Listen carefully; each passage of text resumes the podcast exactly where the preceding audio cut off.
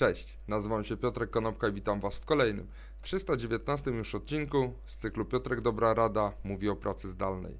Dzisiaj powiem o trzech sposobach na to, żeby wirtualne warsztaty przebiegały w dobry sposób. A co to znaczy dobry sposób?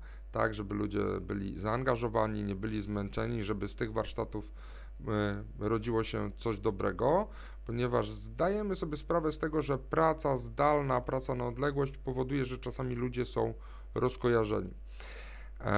Jako pierwsze to przede wszystkim zaangażowanie. W dawnych czasach, jak ludzi zbieraliśmy w tradycyjnych salkach na szkoleniach czy na różnego rodzaju warsztatach, wystarczyło im pozabierać laptopy, pozabierać telefony i ludzie y, musieli po prostu zaangażować się w przebieg tych warsztatów.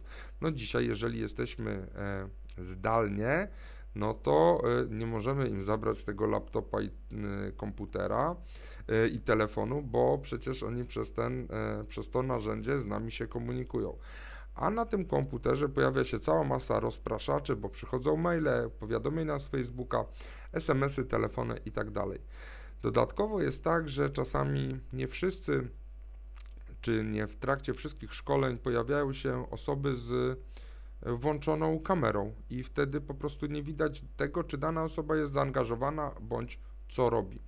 Warto wtedy wrócić y, czy przyjrzeć się narzędziom różnego rodzaju, takim whiteboardom, pozwalającym na e, współpracę w czasie rzeczywistym, bo wtedy może być, nawet ludzi nie widać, ale słychać ich głosy i widać, że na przykład kursory, które którymi każdy z nich steruje, przesuwają się bądź się nie przesuwają i w ten sposób takim małym trikiem można to zaangażowanie zwiększyć.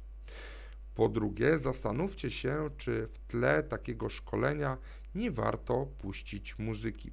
Ta muzyka może z jednej strony być wypełniaczem tła, bo ta cisza, która czasami zalega, jak ludzie pracują indywidualnie, może być bardzo deprymująca, ale z drugiej strony ta muzyka może być na przykład y, sposobem na odmierzenie czasu, bo dajemy jakieś zadanie do tego, żeby ludzie wykonali i wtedy puszczamy jeden utwór i gdy ten utwór się kończy, to wiemy, że czas upłynął. Także po drugie muzyka.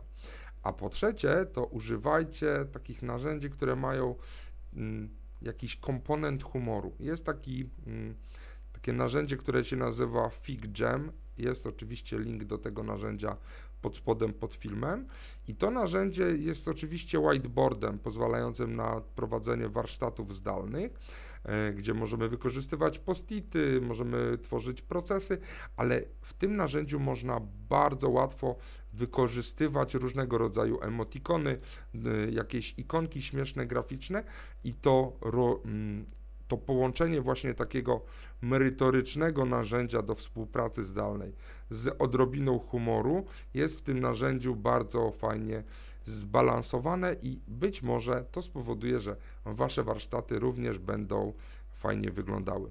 Dzięki serdeczne, do zobaczenia i usłyszenia jutro. Na razie.